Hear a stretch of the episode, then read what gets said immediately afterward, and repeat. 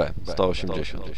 Mogę z całym spokojem powiedzieć, że Thrill Killer to jeden z lepszych Elseworldów. Trudno jest mi jednoznacznie wskazać dlaczego, bo tych przyczyn jest kilka, więc postaram się je krótko i sensownie wyłożyć. Howard Chaykin to scenarzysta, którego fani Batmana, również polscy, mieli okazję poznać z dobrej strony. Tworzy historie na pozór proste i nieskomplikowane, ale zwykle niebanalne i wciągające. I tak samo było tu.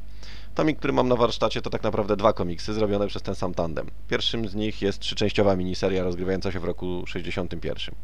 To dziwny rok, kiedy zmieniają się dekady, odchodzi w niepamięć Ameryka McCarthyzmu, ale nie nadeszła jeszcze rewolucja Dzieci Kwiatów. Drugi to Thrill Killer 62, czyli kontynuacja tamtejszych wydarzeń w one-shocie. Policja w Gotham to potworny ściek. Wszyscy biorą i w zasadzie oprócz odznak niewiele różni ich od klasycznych złoczyńców. Pewnego dnia zaczyna się im jednak dawać we znaki dwójka przebranych awanturników nazywających siebie Batgirl i Robin.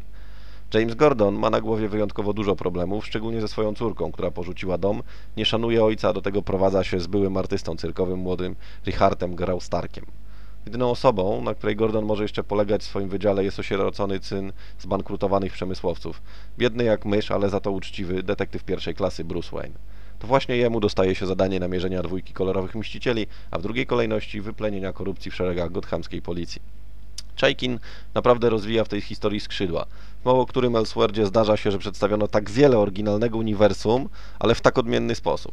W starej posiadłości Wayne'ów wykupionej przez fundację bazę operacyjną urządziła sobie wyrodna córka policjanta, znana na mieście jako Batgirl. Harvey Dent jest prokuratorem okręgowym i jest piękny jak Apollo. Za to szeregi skorumpowanych gliniarzy zasila niejaki sens, przyjemniaczek o połowie twarzy oszpeconej na skutek wypadku. Zaś prawna pracująca dla gangsterów dama wyróżnia się niezwykle bradą, wręcz białą karnacją, z ustami godnymi Julie Roberts i niecodziennie, bo na zielono ufarbowanymi włosami. To zresztą nie koniec starych znajomych. Lance, Harper, parę innych postaci przewijają się przez karty Thrill Killera, zaskakując nas swoimi rolami w tej wersji nietoperzowego mitu. Świetna, szybka akcja, wykorzystująca mnóstwo znanych motywów, sprawia, że ten komiks powinien być ilustracją motto całej linii. Postacie tak znajome jak dzień wczorajszy wydają się świeże jak dzień jutrzejszy. A tym, co w pierwszej kolejności zwróciło moją uwagę, jest oprawa graficzna. Nie znałem wcześniej żadnych prac Breretona i aż sam się dziwię. Świetne, realistycznie namalowane, w pełnym kolorze ilustracje przyciągają oko starannością, realizmem i ekspresją. Świetna forma, doskonały dobór palety i niezwykły dynamizm ilustracji, ujęty w karby dosyć statycznego i klasycznego w duchu kadrowania, dają niezwykły efekt. Dodatkowego dynamizmu dodają stronom dymki dialogowe i narracyjne oraz pojedyncze dynamiczne elementy. Pod względem potraktowania realizmu, Brereton przypomina jednego z moich ulubieńców, czyli Hamptona, ale ekspresja godna jest znanego u nas z okładek serii Semika Steel Freeza. Prawdziwa radość dla oczu.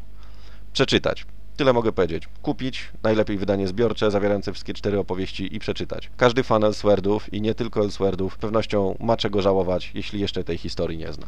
Pozdrawiam. Godaj.